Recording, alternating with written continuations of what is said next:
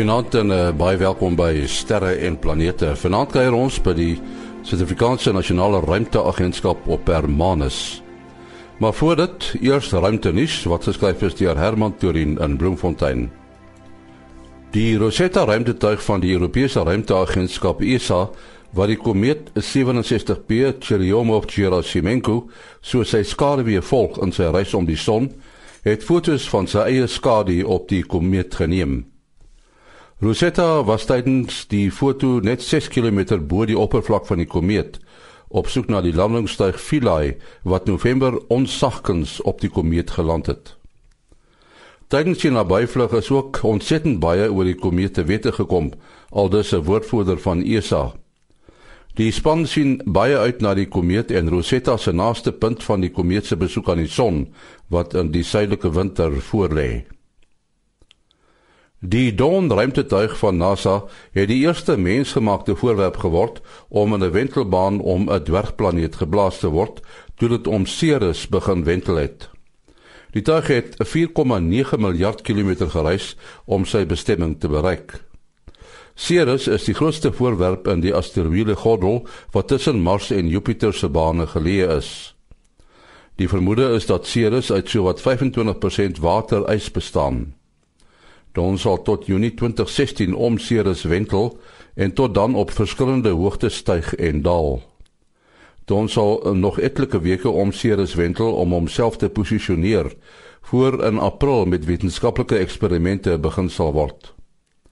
Onderweg na Ceres naby die buiterand van die asteroïde gordel het Dawn eers by die tweede grootste voorwerp in die asteroïde gordel Vesta wat naby die binnerand is aangedoen en 14 maande om hierdie groot asteroïde gewentel.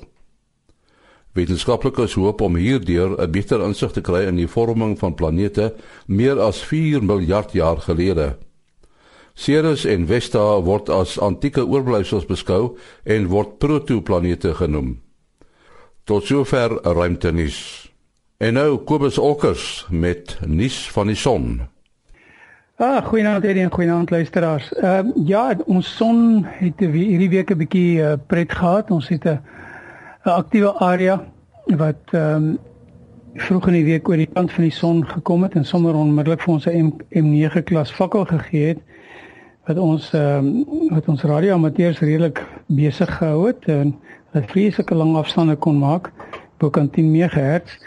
Ehm um, hy het nog steeds 'n kansie van om nie om so tussen hoë C en, en middel M klas tipe fakkels uit te skiet, maar dit lyk nie asof hy baie meer kompleks word nie natuurlik, dit kan enige oomblik verander. Maar dit lyk sover nie so nie. Dan het ons 'n uh, 'n baie lang uh filament wat van so links onder tot amper by die by die ewenaar van die son sit, vreeslik lank, hy seker amper 'n miljoen kilometer of dalk 'n bietjie nog langer. Ehm um, daar is 'n kans dat hy onstabiel kan raak. Hy hy's baie hy's baie hy's baie energiek.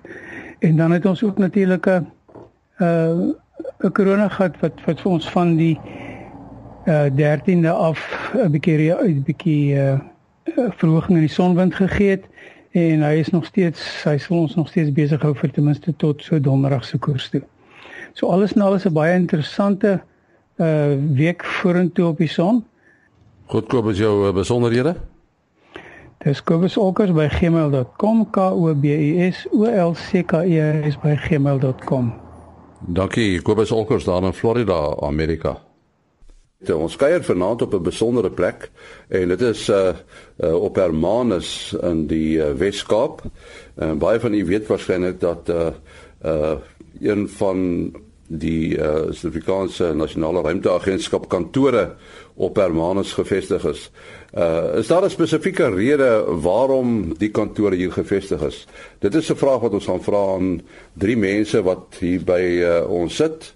Daar's eers Dr Pieter Kotse en dan Dr Gert Lamprecht en Dr Pierre Silje almal van uh die uh, Nasionale Ruimteagentskap. Uh, Pieter, die plek uh, Hermanus het 'n taamlike ryk geskiedenis, nê, nee, die uh, die plek waar ons nou sit. Dit is reg so uh, die uh, geskiedenis van Hermanus teer terug tot 1932 met die ontstaan van 'n magnetiese observatorium op die kampus van die Universiteit van Kaapstad Maar in die middel 30er jare het hulle begin om die elektrifisering van die voorstuurlike treindienste en moes toe 'n plek gesoek word waar 'n uh, magnetiese skoon omgewing om die metings voor te sit. So in 1941 het die verskuiwing plaasgevind op Hermanus en het sedertdien het die Hermanus Magnetiese Observatorium soos dit daai tyd uh, bekend was voortbestaan tot op heidaglik toe en in 2010 het die observatorium deel geword van die Suid-Afrikaanse Nasionale Ruimteagentskap en sedertdien bestaan ons voort as 'n ruimteagentskap met nie net magnetiese observatorium aktiwiteite nie maar ook met ruimte uh, wetenskap navorsingsaktiwiteite wat komplementerend is tot die hele opset van magnetiese navorsing. Nou gaan uh, is dit nog so magneties stil hier waar ons is? Hermanus is nog magneties skoon en dis juis wonderlik om hier te kan wees om ons instrumentasie instrumente te kan gebruik om uh, kalibrasies te doen, kompaskalibrering en so voort. So ja, Hermanus is nog magneties skoon.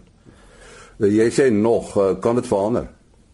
Ehm um, ja, dit is moontlik hoe die ontwikkeling van die van die samelewing is, uh, maar ons gaan probeer om Hermanus in hierdie area skoon te hou, magneties skoon te hou. Hmm. Ja, dit is byna soos die SKA, nê, nee, wat eintlik 'n radiofrekwensie skoon moet wees. Korrek, ja, dis reg. Ja. Uh Pier uh die aktiwiteite van Sonsa uh ons weet nou die hoofkantoor is in, in Pretoria, maar waarop uh, uh spits die ruimteagentskap om om toe? Ehm um, die ruimteagentskap het vier direktorate waarvan ons hier in Hermanus die ruimtenavorsingsdirektoraat is. Ehm um, die ander ruimteverwante aktiwiteite word bedien deur die ruimteobservasiedirektoraat wat in Pretoria sit by die Innovation Hub. Uh wat gemoeid is met die verwerking van beelde en die verspreiding daarvan uh, vir die gebruikers. En dan is daar die ruimtebedryf uh op uh direktoraat, die in Engels staan bekend as die Space Operations Directorate. Hulle sit by Artemis Hoek en hulle uh hoofsaaklike verantwoordelikheid is die ondersteuning vir satelliete, ons eie en ook die van ander lande. En 'n groot deel van hulle aktiwiteite is ehm um, die toetsing van satelliete tydens die uh opstyg van die satelliete, maar ook tydens hulle lewe om seker te maak dat hulle nog gesond is en dat hulle werk soos hulle moet en soms om instruksies op te laai na die satelliete toe wanneer hulle oor ons kom. Ehm um, hulle het verlede jaar 24 sulke uh aktiwiteite gehad waar hulle met internasionale satelliete gesels het wat oor ons kom en spesifieke opdragte uitvoer van die verskaffers en eienaars van daai satelliete. En dan die die laaste direktoraat ehm um, van SANSA is die ruimte ingenieurswese direktoraat wat uh, ondersteuning verskaf vir die ontwikkeling van satelliete, die ontwikkeling en lansering van satelliete. En hulle het 'n groot rol gespeel in die fasilitering van die lansering van ons jongste satelliet, ehm um, ehm um, Chipisat, uh, wat verlede jaar op die 13de November gelanseer is en uh, wat uh, wonderbewonder nog uh, aan die gang is en uh, uh, beter as baie van die ander satelliete wat dieselfde tyd gelanseer is, nog steeds met ons kan gesels. Uh Pieter as as mense dink uh aan aan 'n ruimteagentskap en 'n mens hoor die woordjie lanseer ensovoorts ensovoorts dan dink 'n mens daar moet ook 'n 'n vuurpyl 'n lanseer vermoë wees. Dit is nog nie die geval hier nie. Nee, op Hermanus of in Suid-Afrika het ons nie 'n lanseer vermoë nie. Ons maak hoofsaaklik gebruik van internasionale loonvragte en plaas uh, instrumente op satelliete wat ons dan die inligting en data gebruik vir ons verder vir ons navorsing, maar ons lanseer as sulks nie laat satelliete as sulks self nie. Ja, ek neem aan uh, dat uh, het ons redelik nou saamwerk met uh, organisasies soos NASA. Ja, die um, data wat ons genereer hier in Suid-Afrika spesifiek per Manus gebruik um, nie net NASA nie, maar ook die Duitse ruimteagentskap en ander ruimteagentskappe um, vir navorsing en ontwikkeling en um, So so ja, ons lewer 'n groot bydrae tot internasionale uh, ruimteweer. En en Pier, wat van die res van Afrika? Die ehm um, ruimteweer sentrum wat ons hier in Hermanus het, is die enigste van sy soort in Afrika. Daar is een op elke kontinent en uh ons werk nou saam met kollegas oor die res van Afrika om to, uh, toepaslike inligting te verskaf met betrekking tot ruimteweer en om ook die modelle te ontwikkel waarmee daai voorspellings gemaak word. Ehm um, daar is uh baie van ons kollegas in Midde-Afrika, Uganda, uh Kenia, Nigerië en selfs so ver noord as uh, Egipte wat uh, soortgelyke instrumente het as wat ons hier gebruik om die ehm um, atmosfeer en die ionosfeer waar te neem en ons ruil data uit en ons uh, vergelyk modelle om ons totale kundigheid in Afrika te verbeter en ons voorspellingsvermoë te verbeter. Hmm. Nou wat onlangs in die nuus uh, uh, was Pieter was uh, die die sogenaamde CubeSats. Verduidelik dit uh, presies wat is 'n CubeSat? 'n CubeSat is soms is eintlik wat sy naam sê, dis 'n klein vierkantige nanosatelliet, baie klein, weeg 'n paar kilogram, 2, 3, 4 kilogram en is 'n goedkoop manier om er inligting uit die ruimte uit te kry op 'n baie kort tydskaal. So en ook die Eh, fisika en die navorsing wat 'n mens daar kan doen is komplementerend tot byvoorbeeld mini-satelliete wat byvoorbeeld 80 na 100 kg weeg. Hmm. En en hierdie CubeSats eh, word al hier in Suid-Afrika gebou op hier. Ja, inderdaad. Uh ons ehm uh, werk saam met die uh, satellietingenieurswese program by uh CPUT, Cape Peninsula University of Technology in Bellville waar die satelliet gebou is deur studente en hulle gaan vir die volgende aantal jare elke jaar een so satelliet ontwikkel as 'n studenteprojek. Uh die uh, formaat waarin die eerste een uh gebou is was 'n 10 cm by 10 cm satelliet, sogenaamde een eenheid satelliet. Maar die vooruitsig is dat ons in die toekoms twee eenheid en drie eenheid satelliet sal hê wat meer uh krag kan opwek en wat dan ook meer 'n uh, loonvragte kan dra wat vir ons interessante en uh, nuttige inligting in die atmosfeer en in die ionosfeer kan kan meet. Hmm. Ja, hoe werk dit mens nou uit wat wil jy meet? Daar's baie dinge wat ons graag sal wil meet. Ehm uh, maar uh, die vereistes vir so 'n klein satelliet is dat dit met baie lae drywing hê dit met 'n lae data tempo hê want die satelliet moet ook sy rekenaartyd verdeel tussen beheer van die satelliet en kommunikasie na die grond toe. So daar is bepaalde beperkings aan die tipe loonvraag wat 'n mens op so 'n satelliet kan sit. Maar uiteraard omdat hulle in die ionosfeer uh, vlieg hier op 'n hoogte van omtrent 600 km van die aarde af, is daar baie fenomene wat ons graag wil in situ waarneem en wat ons nie van die grond af kan waarneem nie en die uh, die huidige ontwikkeling in CubeSats is om sulke groeperings van CubeSats gelyktydig te lanseer sodat mense op meer as een plek in die ionosfeer gelyktydig kan meet en daarmee 'n beter aanduiding kan kry van wat aangaan as om net een keer elke 100 minute in min of meer dieselfde omgewing te kan meet. Hmm. En uh jy weet die groot vraag uh, en ek het ook al die vraag baie gehad is wat van die sogenaamde oorbevolktheid van satelliete daarbo ruimterommel? Dit is inderdaad 'n groot probleem en uh, die huidige tendens of verpligting vir die lansering van nanosatelliete is dat hulle 'n beperkte lewensduur moet hê. Daar moet dus 'n waarborg wees om die satelliet binne 'n beperkte tydperk weer terug te bring in die atmosfeer en dit kan nie vir 'n onbepaalde tyd daar bly nie. So die tendens is satelliete moet 'n eindige lewensduur hê. En en Pierre, hoe maak 'n mens nou 'n einde aan sy lewe? Ehm um, die enigste manier om effektief die satelliet uh, se lewe te beëindig sonder om hom te gaan uitmekaar skiet en net nog meer rommel te skep is om hom terug te bring in die aarde se atmosfeer sodat hy kan uitbrand.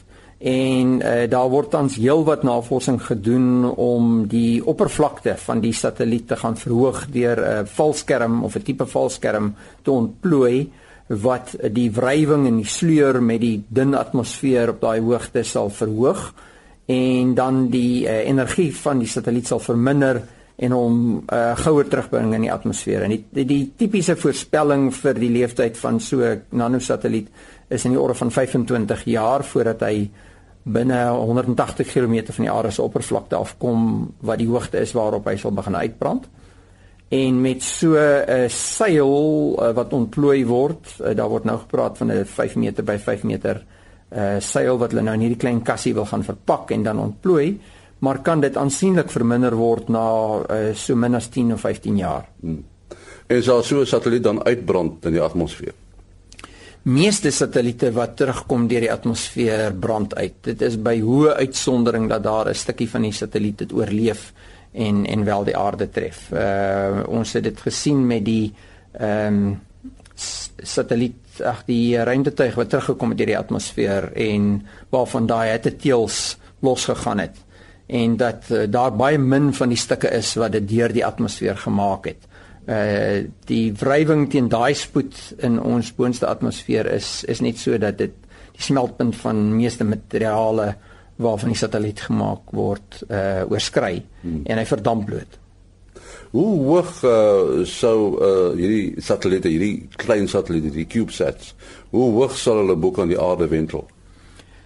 Die voorkeurbaan is bokant ver bokant die van die internasionale ruimtestasie want uh, dis die een groot bate in die ruimte waarvoor hulle skerm dat daar nie te veel ruimte rommel naby hom moet wees nie.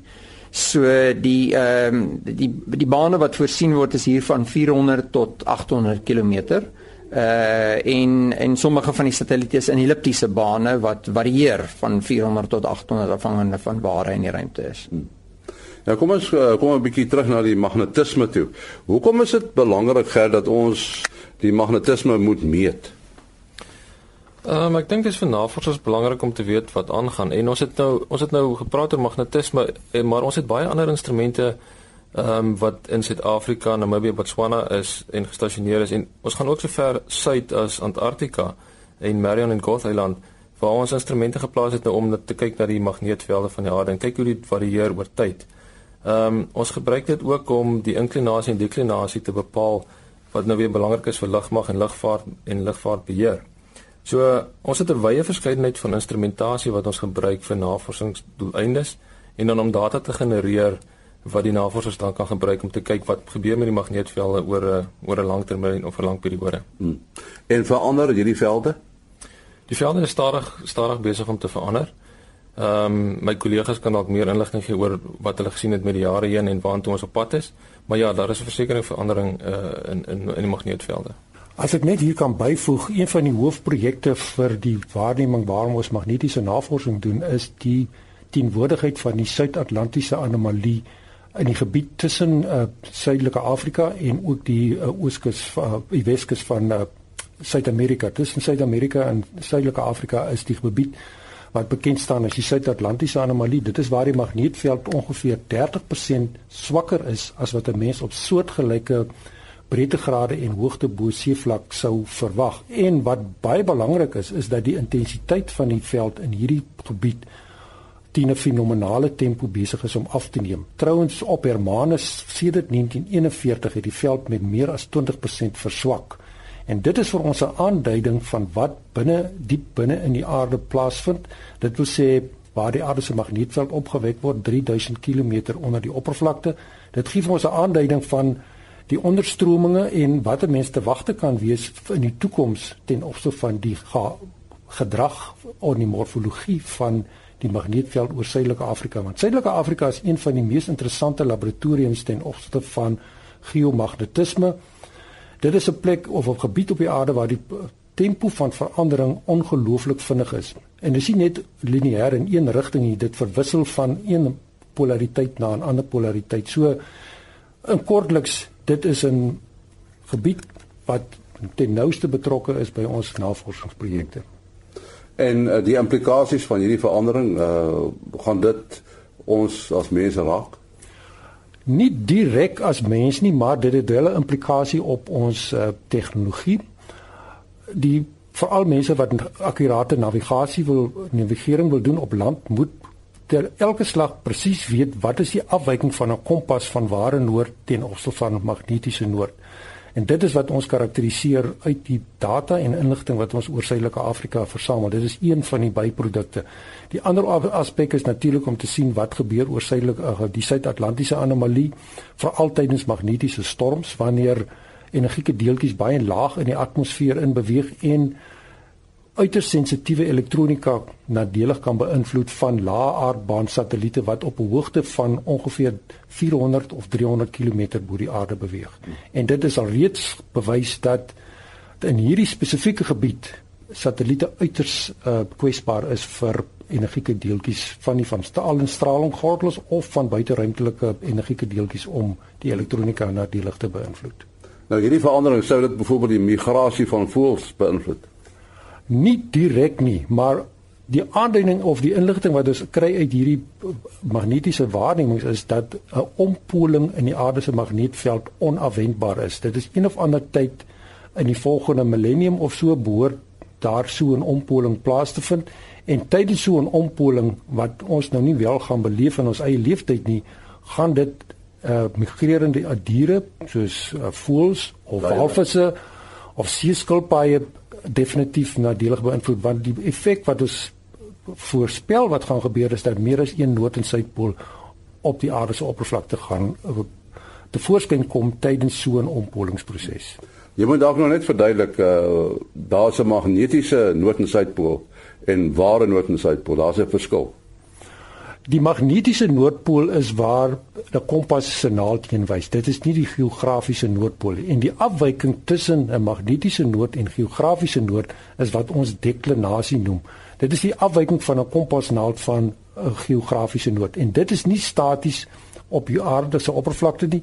Dit is trouens dis afhanklik van tyd sowel as geografiese posisie. Hier in Hermanus byvoorbeeld is die afwyking ongeveer 25 grade wes van ware noord oor die ekwatoriaal gebiede se uh, die groot meeregebied in uh, uh, Midde-Afrika is dit naby aan 1 of 2 grade. So selle ook in Sentraal-Europa. So 'n mens moet definitief op hoogte bly van waar geografies jy jou bevind en ook op watter tydskaal jy bevind want hierdie afhanklikheid is tydafhanklik sowel as geografies afhanklik. Hmm. Ehm um, die aktiwiteite van SANSA uh, het aansienlik uitgebrei van wat ons destyds gedoen het as magnetiese observatorium sedert 2004. Uh daar was reeds voor de, uh, 2004 uh besef dat die magneetveld nie net deur dit wat onder die aardkors gebeur geaffekteer word nie, maar by uitstek deur uh, gebeure in die ruimte uh strome wat in ons ionosfeer vloei veroorsaak uh, korttermyn uitwykings en afwykings in die magneetveld wat 'n uh, impak het op verskeie tegnologieë onder andere oor kragvoorsiening en vir uh kommunikasiestelsels. En uh, die belangstelling in uh, ruimtewaarnemings het hier van 2004 af momentum gekry En dit is tans ons grootste aktiwiteit hier. Uh en as ek sê ruimtewaarnemings is dit hoofsaaklik ionosferiese waarnemings waarvoor ons 'n aantal instrumente gebruik uh wat SANSA bedryf en bestuur. Uh ons grootste uh bate hier is tans ons uh ionosonde. Uh een van 4 in suidelike suidelike Afrika en een van 6 in die hele Afrika wat 'n instrument is waarmee ons op 'n deurlopende basis die ionosfeer uh, aftas. Ons stuur 'n radiosein op in die ionosfeer, hy word weer kaats en die hoogte en frekwensie waarby hy verkaats word sê vir ons wat is die toestand van die ionosfeer en dit uh, help ons om voorspellings te doen oor wat is die toepaslike frekwensies om te gebruik vir langafstand kommunikasie. Hmm. En dis een van die groot produkte of hoofprodukte van ons ruimteweersentrum is daaglikse voorspellings van die toepaslike frekwensies vir ons weermag om te gebruik om na Midde-Afrika te praat uh op die HF-band en ehm um, en ook afwykings en steurings te voorspel wat moontlik op hierdie frekwensies mag voorkom. Die ander groot belangstelling in ionosferiese fluktuasies is in sogenaamde scintillasie waar ons praat van korttermyn uh flikkering in die ionosfeer se eienskappe wat GPS kan affekteer. Die akkuraatheid en die toeganklikheid van GPS kan affekteer tot die mate dat die tipiese fout in die posisie wat geëstimeer word uit wat ons van die uh ruimtesatelliete afkry, die GPS satelliete, uh kan toeneem van 'n meter of 2 na honderde meters tydens 'n uh, tydens 'n uh, ruimteweerstorm. En dis belangrik vir ons om te weet wanneer ons gebruikers moet adviseer dat daar sulke steurings kan wees. En dan die derde groot belangstellingsarea in die ionosfeer en die strome wat daar vloei tydens magnetiese storms is uh, die impak wat dit op kragnetwerke kan hê. Ehm um, ons het vir baie jare gedink dat die middebreedtegrade waar Suid-Afrika homself bevind is uh, buite die bereik van hierdie tipiese storms wat uh, wel bekend is in uh, skandinawiese lande waar hulle moet baie duur materiaal tref om te verhoed dat hulle kragstelsels daardeur geaffekteer word. En in 2003 het ons die ervaring gehad dat hier heelwat skade in ons netwerk aangebring is. En sedertdien is daar 'n geweldige uitbreiding in die belangstelling vir wat dalk in middebreedtegrade en laebreedtegrade kan gebeur tydens 'n uh, intense geomagnetiese storm. En uh ons werk saam met ons uh, kragverskaffers om uh toepaslike modelle te ontwikkel en ruimtewaarskuwings vir hulle te gee oor wanneer daar so 'n storm mag voortkom en hoe lank hy gaan duur sodat hulle toepaslike aksies kan neem om die impak daarvan te verminder. 'n Ander vraag wat mense dikwels vra is uh Suid-Afrika is is redelik arm aan instrumentasie om asteroïdes, bedreigende asteroïdes waar te neem. Wie moet dit doen? Ek weet nie of ons uh astronomie kundiges uh groot belangstelling het in asteroïdes nie. Uh ek is seker hulle kom so van tyd tot tyd deur hulle teleskoopbeelde. Uh want daar is heelwat van hulle. Ehm um, en uh, uh hulle het ehm uh, um, potensiële bedreiging vir die aarde of ons iets daaraan kan doen, weet ek nie, maar dis uh, dis goed om kennis te neem van die uh, kommersiële waarde en die wetenskaplike waarde van hierdie asteroïdes. Ehm uh, daar is plekke waar uh, mense hierdie asteroïdes mooi kan waarneem veral as hulle nou deur die atmosfeer kom en verskillende sterre veroorsaak. Uh so ek dink ehm um, dit bly 'n belangstelling eh, wat eh, waarvan die die detail redelik algemeen bekend is. Nou ongelukkig het die tyd ons ingehaal, uh, die tyd vlieg so vinnig. En uh, ons sê baie dankie uh, aan Dr Pieter Kotse, uh, Dr Gert Lamprecht en Dr Pierre Solier hier van die Suid-Afrikaanse Nasionale Ruimteagentskap op Hermanus. Tot sover dan sterre en planete, my kontak besonderhede maas.henny@gmail.com maas.henny@gmail.com Tot volgende week. Alles van die beste en mooi dag.